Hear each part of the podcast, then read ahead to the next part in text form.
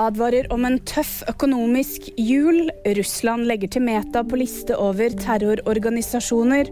Og forskere fastslår opphavet til covid-19.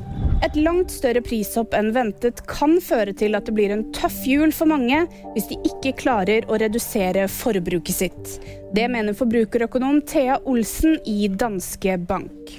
Hun sier at når prisene på mat, drivstoff og strøm fortsetter å øke, i tillegg til at man skal håndtere renteøkninger, ja da vil det kunne smelle.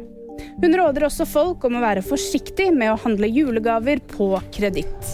Russiske myndigheter har lagt til selskapet Meta, som er Facebook og Instagrams morselskap, på en liste over terrororganisasjoner.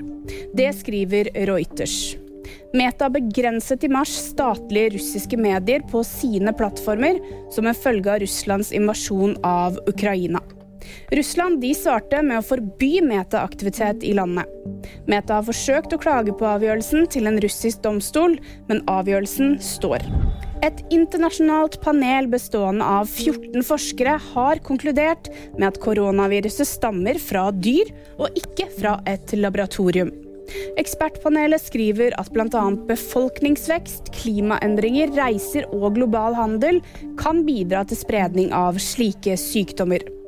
De vitenskapelige bevisene er overveldende, sier forsker Carlos Das Neves. Og VG-nyhetene de fikk du av meg, Ida Aaberg Evensen.